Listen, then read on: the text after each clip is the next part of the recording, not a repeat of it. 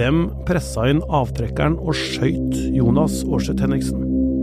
Det er ett av spørsmåla vi fortsatt ikke har svar på tre måneder etter at Jonas blei funnet drept ved en hytte i Nes i Ådal. Men hvilket våpen som ble brukt, og hvordan det kom i henda på en eller flere av de sikta, har vi begynt å finne mer ut om. Og det skal vi snakke om i dag. Hun sier at hun satt igjen med en følelse av at han bare tok våpnene, og hun forteller at hun følte at hun ikke hadde kontroll på situasjonen, og at hun følte seg presset. Våpenet blei kjøpt i juni. Jonas blei drept i august. Politiet visste også om trusler og hærverk, så kunne drapet vært forhindra. Jeg heter Tor Erling Tømt Ruud, og dette er Krimpodden i VG.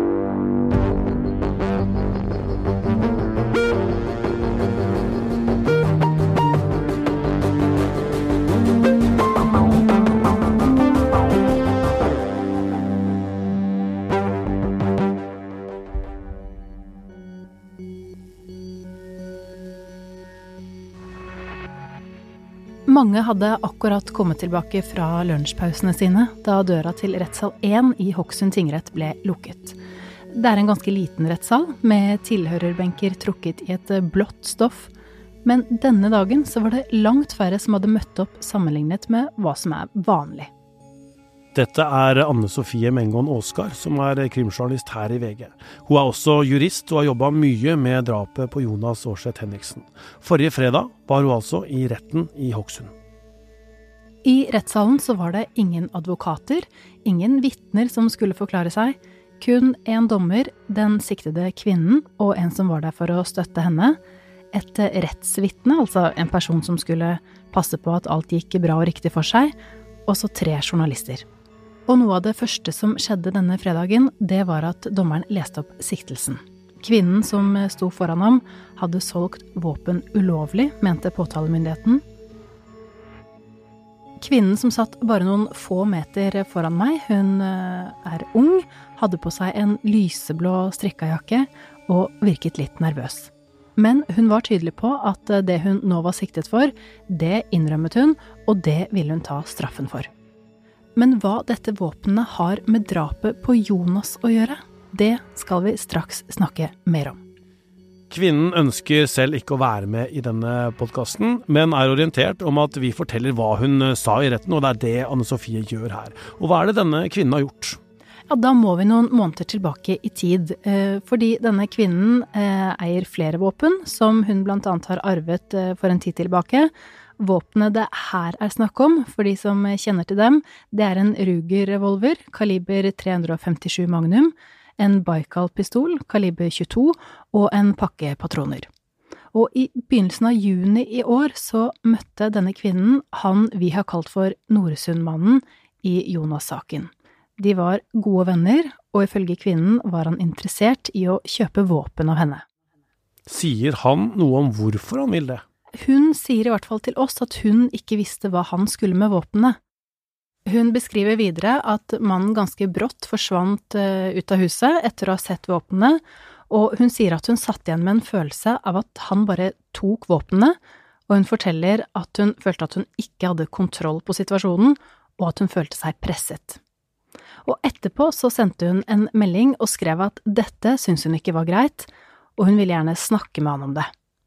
Og litt senere så skal han ha kontaktet henne på den krypterte meldingstjenesten WhatsApp og bedt henne om å ikke si noe til noen.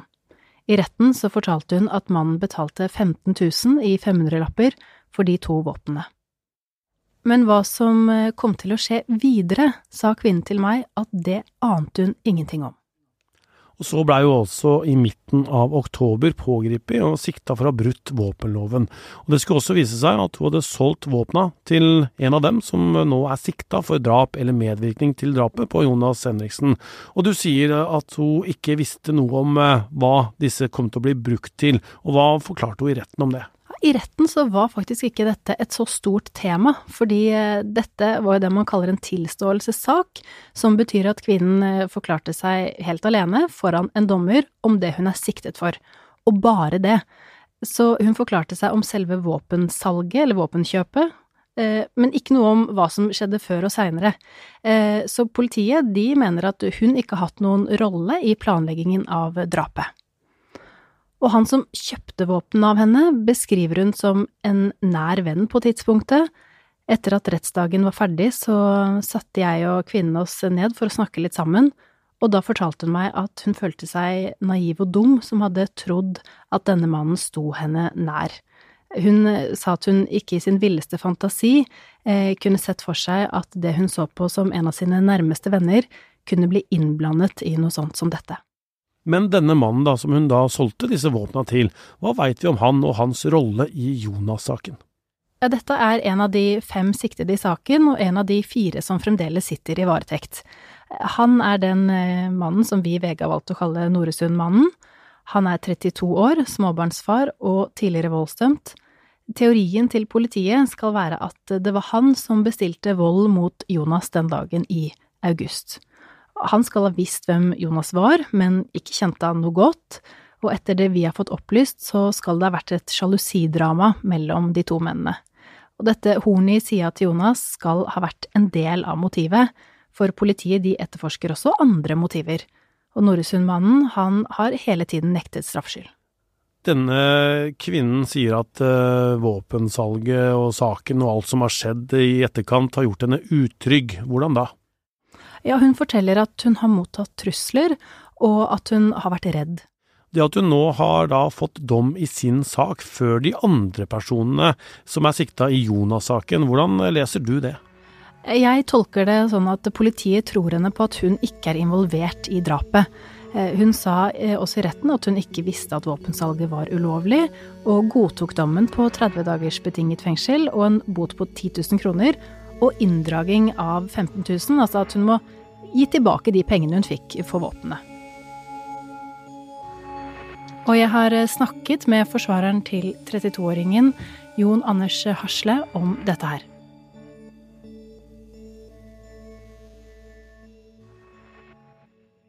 Nei, jeg hører deg egentlig ganske godt, altså. Hører at du er i bil, men uh, det er jo for så vidt greit.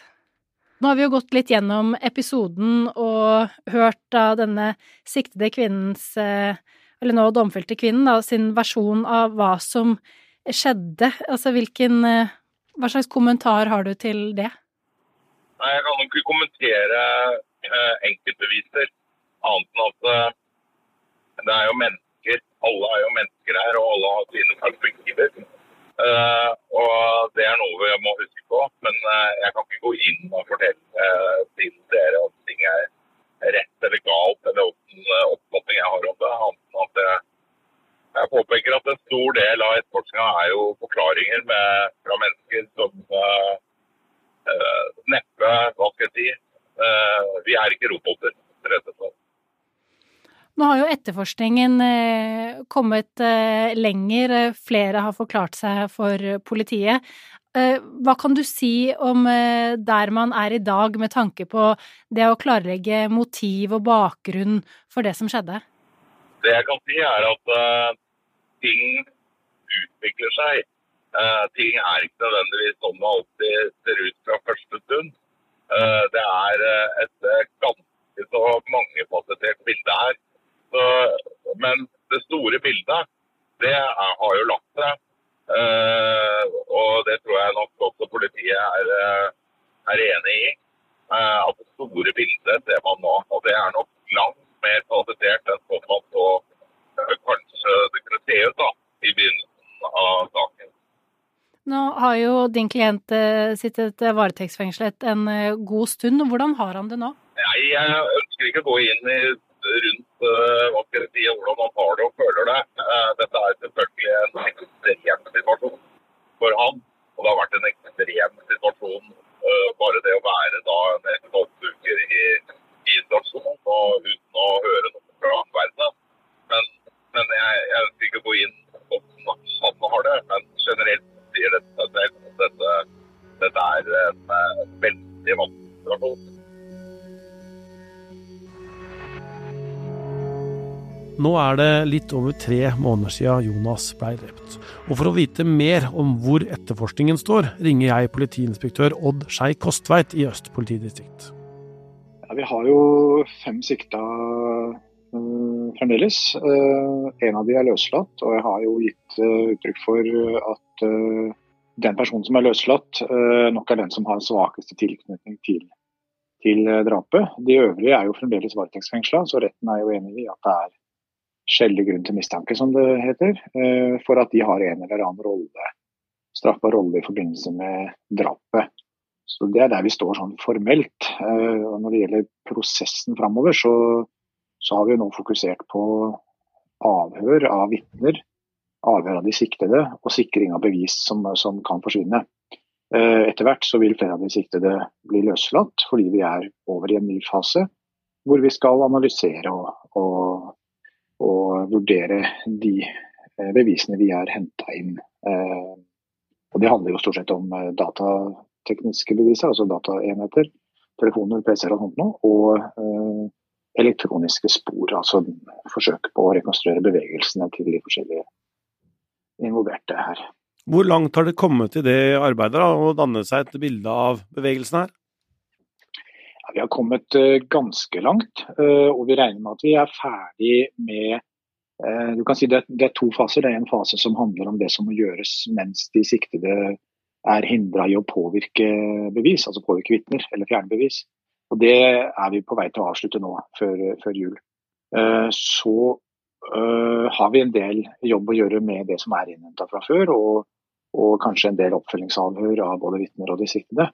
Men vi har kommet, uh, kommet uh, ganske langt på vei. Så vi har et relativt greit bilde av, av hendelsen og, og de, ulike, ja, de ulikes bevegelser. Hva er det som blir viktigst da i etterforskningen framover? Ja, det, det, viktigste har jo hele tiden vært å identifisere den eller de som rent fysisk har utført drapet. Altså som var i Vernveien ved hytta og utførte drapet. Det er pri én. Og så er det jo Det neste vil jo være eh, eventuelle andres roller, eller medvirkningsroller. Eh, det, jo, det gjelder jo de som da eventuelt ikke var på stedet og gjennomførte selve handlingen. Så Det er de to hovedtemaene vi har i etterforskningen vår. Og så er det en del sånn omkringliggende hva som er bakgrunnen og, og, eh, og, litt sånn andre omkringliggende tema som ikke går rett i kjernen. Og Når det gjelder da den handlingen eh, der oppe, hva kan du si om hva som skjedde med Jonas Henriksen der? Det er jo for tidlig å komme med noen sånn konklusjon på det. Men um, vi uh, mener ut fra etterforskningen sånn som, det, sånn som det ser ut nå, per i dag, at, at, Jonas ble skutt, og at han da døde etter ganske kort tid. Det er vel det, det vi antar har, har, skjedd. Hvem var det som skjøt han? Ja, Det jobber vi jo med å avklare, så det har vi ikke noe, noe endelig svar. Men vi har en del indikasjoner og vi har en del tekniske spor som, som kan hjelpe oss. Eh, hva kan du si om um, grunnen til at uh, Henriksen var ved denne hytta den dagen? Ja, vi har jo lagt til grunn nå en stund at han ble lurt dit. Altså at han ble spurt om å utføre en jobb uh, på den hytta, eller i forbindelse med en brønn ved den hytta. Um, og at det var et fiktivt oppdrag. At ikke det var noe realitet i, i, det. Så det var en måte å få han ut, ut til ja, til et avsidesliggende sted, hvis man kan si det slik. Vet du hvordan man fikk han ut dit? Ja, det, det, vet vi. Jeg kan ikke gå i detalj på det, men vi, vi har, har kontroll på det. For det er jo en mann her som, som da ble utsatt for et ID-tyveri, eller at, iallfall hans navn ble brukt her. Hva har han fortalt? Ja, Han var jo sikta i saken på et veldig tidlig tidspunkt, fordi at hans uh, telefonnummer kunne knyttes til basestasjonene oppe ved hytta. Uh, og Så viser det seg at han nok ikke har vært i Norge på det tidspunktet da drapet ble begått, og dessuten at hans ID som du sier, er blitt benytta til å opprette et telefonabonnement i hans navn. Og Det har vi fått også bekrefta gjennom annen etterforskning, så han er sjekka ut av saken. Det er ingen grunn til å tro at han har noen ting med denne saken å gjøre. Og vi har også informasjon om hvordan hans identitet øh, ble, øh, ble brukt. Hvordan klarte man det, da? Ja, Det var jo noen som hadde tilgang til hans personopplysninger i en helt annen, en helt annen forbindelse og da laget seg et telefonnummer eller kjøpt et SIM-kort eller noe sånt i, i, hans navn, da, eller? Ja, det stemmer. Det at um, VAR handlet uh, våpen på et tidspunkt i sommer, og at en av de siktede da kjøpte et våpen, uh, og at det var hendelser med hærverk uh, tett opp til drapet på Henriksen. I lys av det, hva kunne politiet gjort for å hindre drapet? Ja, det er det litt vanskelig for meg å gi noe særlig konkret svar på. Det handler jo om hvordan hvordan politiet håndterte og vurderte den informasjonen som eh, særlig Jonas og familien hans kom med i tiden før eh, drapet. Det skal gjennomføres en større evaluering av, av det, eh, men vi har, vi har i hvert fall gjennom etterforskningen sett at den, det Jonas sjøl mente kunne være, eller det eneste han så som aktuelt, var at dette hadde noen sammenheng med med mm, brannene, lastebilbrannene i 2021-2022. Uh, og Det viser seg at de to som var sikta for de brannene, og de sakene ble henlagt, men de to som var sikta der, de, de har ikke noe, noe, bevis eller noe tilknytning i, mellom de og, og hærverkene eller drapet. Så det sporet har vi gått ut, og, og anser det for å være uaktuelt.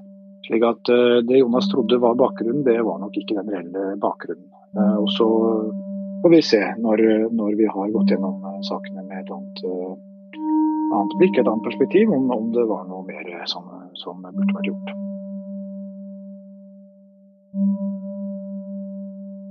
Ja, Øystein, vi eh, krimjournalister har jo skrevet, og vi har snakka om dette i Krimpodden nå, at Jonas blei skutt. Det har vi gjort eh, ganske lenge. Men det er først nå at politiet liksom bekrefter at det var det som skjedde. Hvorfor tror du at de har venta så lenge med å si det? Jeg vil anta at det handler om um, at man ønsker å beskytte bevisene, beskytte detaljene. Dette er en sak hvor politiet mener flere er involvert, og da er det enda viktigere enn en, en, mer vanlig sak. At du uh, har oversikt over uh, ting som ikke alle vet om. Uh, og det kan handle om å kontrollere forklaringer. det kan handle om at du skal konfrontere noen. og det er alltid sånn da at politiet ønsker å sitte med noen kort på hånda som de siktede ikke kjenner til. Eh, og så vil det jo være sånn da, at i en eh, etterforskning så går det jo fremover, og man eh, kommer i nye faser. Og nå virker det jo som om denne saken er på vei inn i en Altså man har nådd et, en milepæl, og at man er en, på vei over i en annen fase. Og da blir ikke disse hemmelige opplysningene som politiet ikke ønsker å ønsker å gå ut med, egentlig, men som vi da har visst om likevel. Men da, da blir ikke det så viktig for politiet å holde tilbake, og da kommer denne offisielle bekreftelsen av det alle vet. Og så er det sånn at de som da sitter i varetekt, de sitter jo ikke for alltid på det som heter medieforbud. Etter hvert så får de jo åpna opp dette her, og de får jo med seg hva som blir skrevet og sagt, da.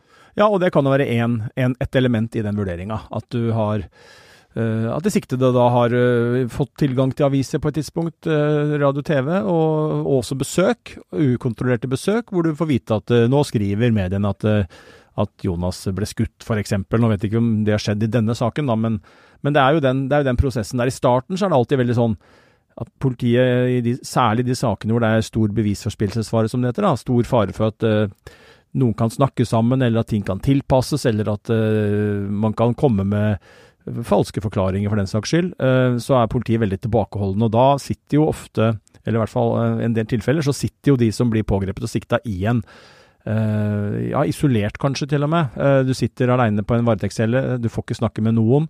Ingen kan ringe til deg, ikke kan du besøke noen. Du får snakke med bare advokaten din, som jo uh, vil være ha taushetsplikt dersom han eller hun har fått tilgang til klausulerte dokumenter, f.eks. Sånn at da er det veldig veldig tight med informasjon, og politiet er veldig sånn varsomme med å gi noe. Men etter hvert som man da har fått sikra bevis i form av vitneforklaringer, eh, tekniske bevis og på en måte får en mer oversikt over saken, så vil jo da denne såkalte bevisforspillelsesfaren bli mindre, og da er det også mindre sensitivt å fortelle om detaljer rundt selve handlingen. Og nå har vi jo da fått detaljer rundt eh, våpen som har blitt brukt, fordi det kom jo da fram i en dom, og dommer er offentlig her i Norge, rettssaker også. Og vi da vet om denne kvinnen som da har hatt disse mm, to våpnene som hun hadde arva, og solgt det videre til den 32-åringen som uh, da ble pågrepet i Noresund i Jonas-drapssaken. Men det våpenet blir da solgt i juni. Jonas blir drept i august. Kan det da være sånn at det var planlagt å gjøre noe mot Jonas allerede da et par måneder før? Ja, jeg vil tro at det er et helt sentralt spørsmål for politiet å finne ut av, og det er noe av det uh, etterforskningen kretser rundt nå. Uh, det er mange spørsmål. Det er selvfølgelig hvor mange var med, hvem var med, motivet. Hva var planen når uh, Jonas ble lokka opp til denne hytta? Uh, og, og, når ble våpen anskaffa, og, og, også hva var tanken om å bruke Var det noen tanker om å bruke det våpenet på det tidspunktet? Uh, og det må man da finne ut av. Det vil jo igjen kunne henge sammen med hva slags straff man får. Uh, det, viser det seg her at det er et drap som er planlagt over tid, så risikerer de som blir dømt for noe sånt, lovens strengeste straff, 21 års fengsel. Hvis det skulle vise seg at dette helt åpenbart ikke var ment å skulle være et drap, men en trusselsituasjon f.eks., og det var sånn at det oppsto en situasjon på hytta som eh, ja, eh, leda fram til det som vi før kalte forsettlig drap, altså et drap som oppstår plutselig uten at det er veid for eller imot, som jo er den planleggingsbiten, så vil jo det kunne ses på en annen måte av retten. Uh, og dette er jo ting vi ikke vet ennå. Dette er jo ting som politiet nå prøver å, ikke bare prøver, men skal avdekke og, og klarlegge. Uh, men, men det er jo ting som tyder på at det har vært en planlegging, i hvert fall knytta til å få Jonas opp til hytta der. og om da våpenet var en del av det, så kan det fortsatt være sånn at Eh, og, og, hvis svaret på det er ja, da, at man tenker at uh, en, en, tid forut for det som skjedde på hytta, så var våpen en del av den planen, så kan det jo fortsatt være sånn at planen både var et drap, men det kan også hende at planen var uh, trusler eller et angrep eller hva det måtte være. Vi vet jo at Jonas har vært utsatt for en rekke hærverk og ødeleggelser. Så, så det er uh, de tinga der som politiet er nødt til å, å finne ut av og, og ha en oppfatning av. Forsvareren til 32-åringen da, som da kjøpte dette våpenet, som uh, står i denne dommen, han uh, har ikke noen kommentarer til dette nå, men vi må jo legge til at alle her nekter jo straffskyld. Det er ingen som sier at de var med på, på, dette her, og nekter da skyld med tanke på den, den, siktelsen som ligger foran dem. Da. Ja, og det er jo noe av det som gjør det ekstra viktig for politiet å holde tilbake informasjon. Viktig å kunne snakke med de som vil snakke med politiet. Både, og da snakker vi både om vitner og om de som er sikta, eh, sånn at de kan eh, forklare seg uavhengig av hva andre sier, mener og, og, kommer opp med. Og Det er jo derfor, som vi var inne på i stad, det er jo derfor politiet veldig ofte ønsker å isolere, eh, ha folk i varetekt.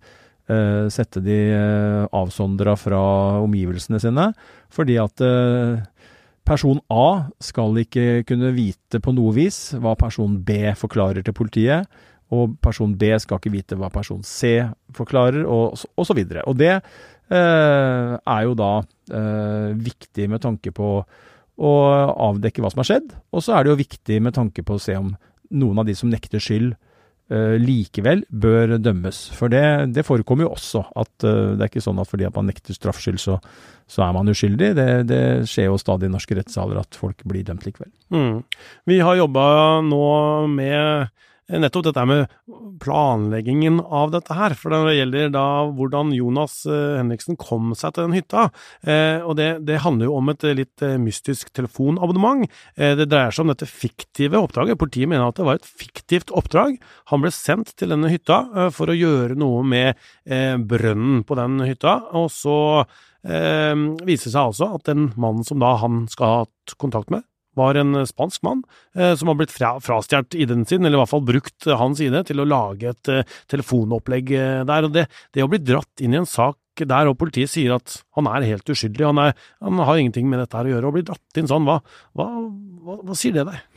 Nei, Det er jo ikke noe hyggelig, og vi har jo vært borti flere saker hvor det har skjedd. Eh, annet Lørenskog-saken, hvor vi husker, i hvert fall de som følger med på den saken, da, husker Ole Henrik Golf, eh, denne mannen fra Mandal, som eh, fikk passet sitt frastjålet, og som jo ble Identiteten hans ble brukt til å opprette dette kryptorigget. Så han ble jo taua inn, eh, sikta og avhørt, og, og, løslatt selvfølgelig, men han, han, opplevde jo veldig ubehagelige ting rundt uh, Lørenskog-saken. I den perioden hvor den var uh, hemmelig, hemmeligholdt, så ble jo Golf uh, henta inn av uh, Kripos når han landa med et fly, tatt med til avhør, fikk formell siktelse som sikta, uh, som jo også handler om at han har noen rettigheter. Men, men politiet skjønte jo veldig fort at han var uskyldig, så, så han, han, slapp jo sånn sett fort unna den belastningen. Men, men dette er jo et problem med stjålne identiteter, og at man får de misbrukene her.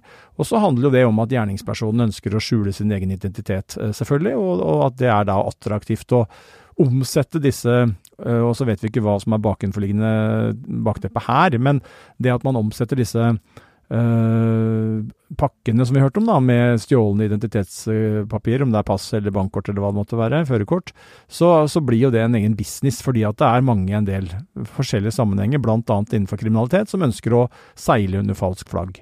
Um, og så er det jo interessant nå å begynne å Vi har jo vært på hytta der oppe flere ganger, du og jeg, og, og stått der før vi visste så mye som vi vet nå. Og det er jo interessant å se at det som vi vel hadde som en slags hovedteori da vi kom opp dit først, jo, er jo det som nå ser ut til å være bildet. Nemlig at han ble lurt opp dit av noen som eh, seilte under falsk flagg, og at ikke Jonas eh, visste hva, hvem som eh, ville ha ham dit, og at det var et, et rigga opplegg da, som ikke viste seg å være, ha noe med hytta å gjøre, ikke ha noe med eieren å gjøre.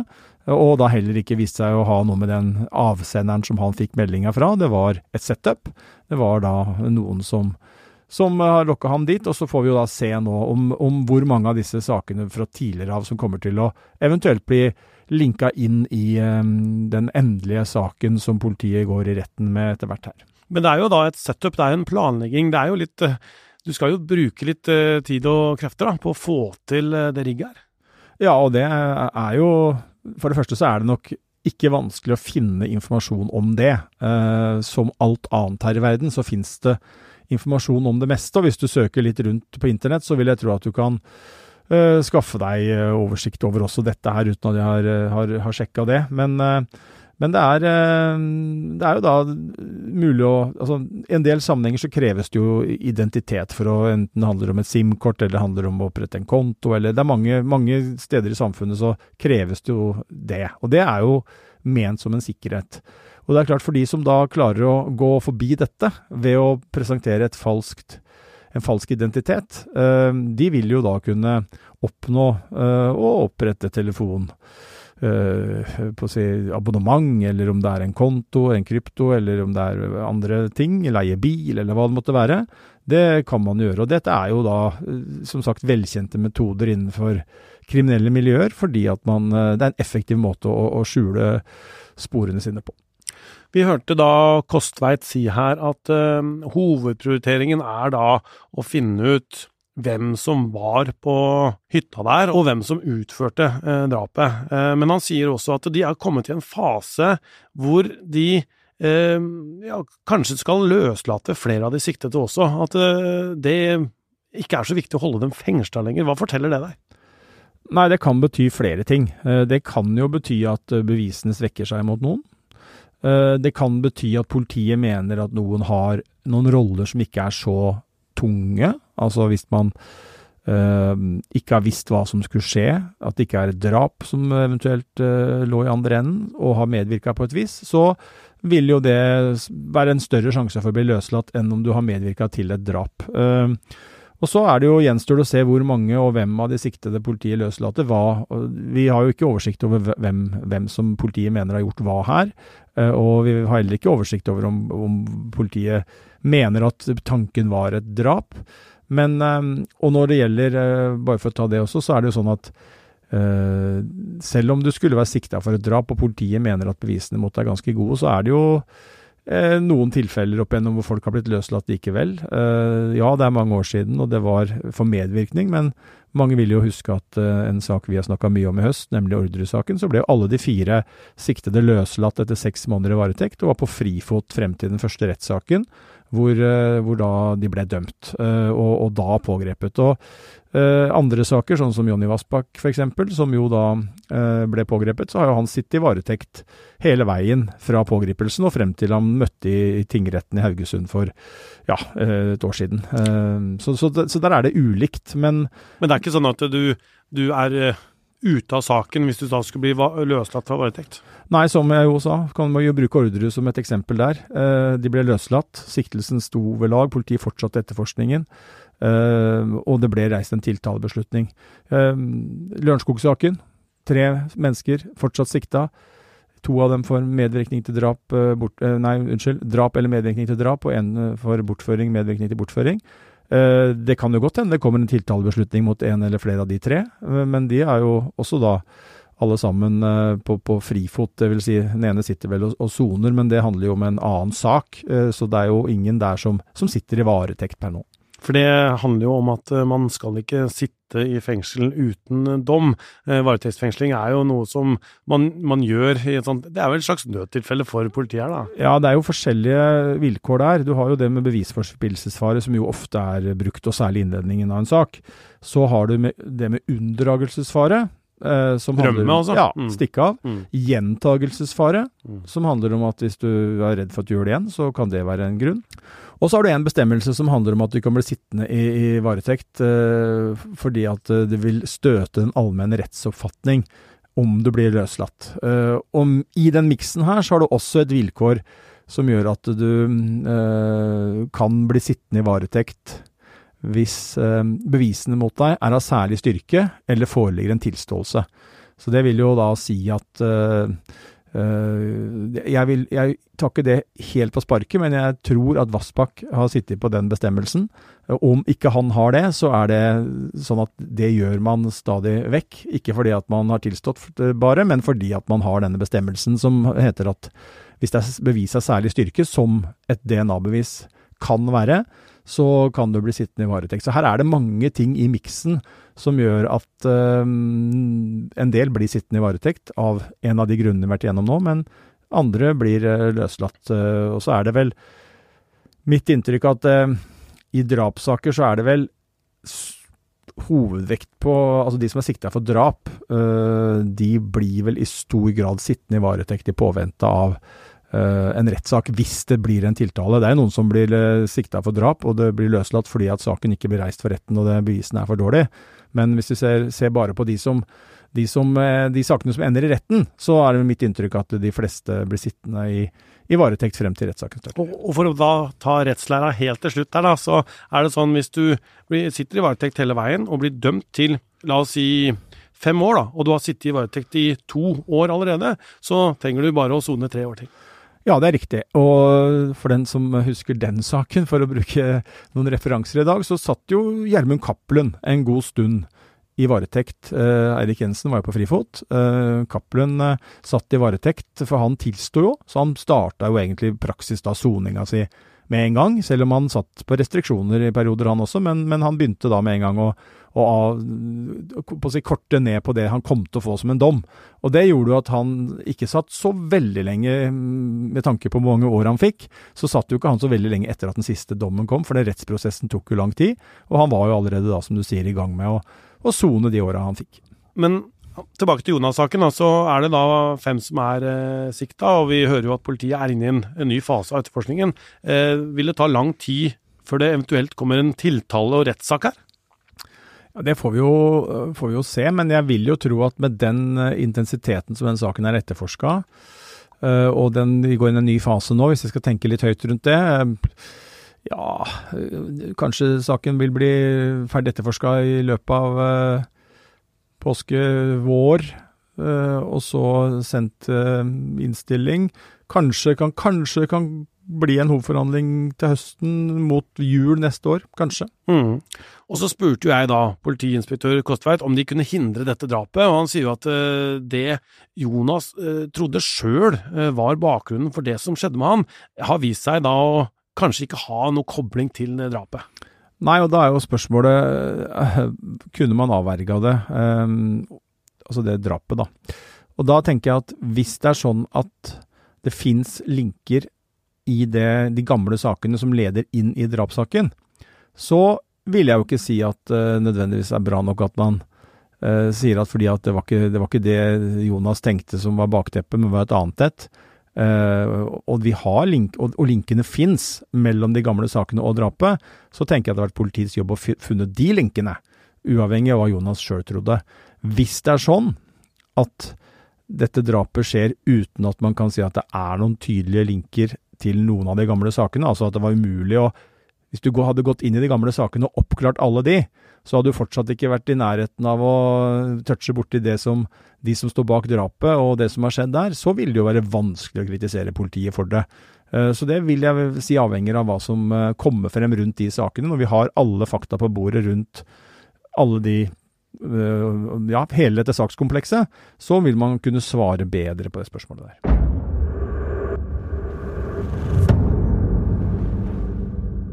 På mandag så hører du foreløpig den siste episoden vår i serien eh, om norske forbrytere, hvor eh, kjente og alvorlig dømte kriminelle forteller om hvorfor de har tenkt som de har tenkt, og handla som de har gjort. Den finner du hvis du abonnerer på Podmy eller via VG+. Denne episoden er laga av Ruth Einevold Nilsen, Anne Sofie Mengon Aasgard og jeg, Tor Erling Tømt Ruud. I Krimpodden jobber også Hanna Espevik, Vilde Våren og Øystein Milli, og nyhetssjefen vår heter Emilie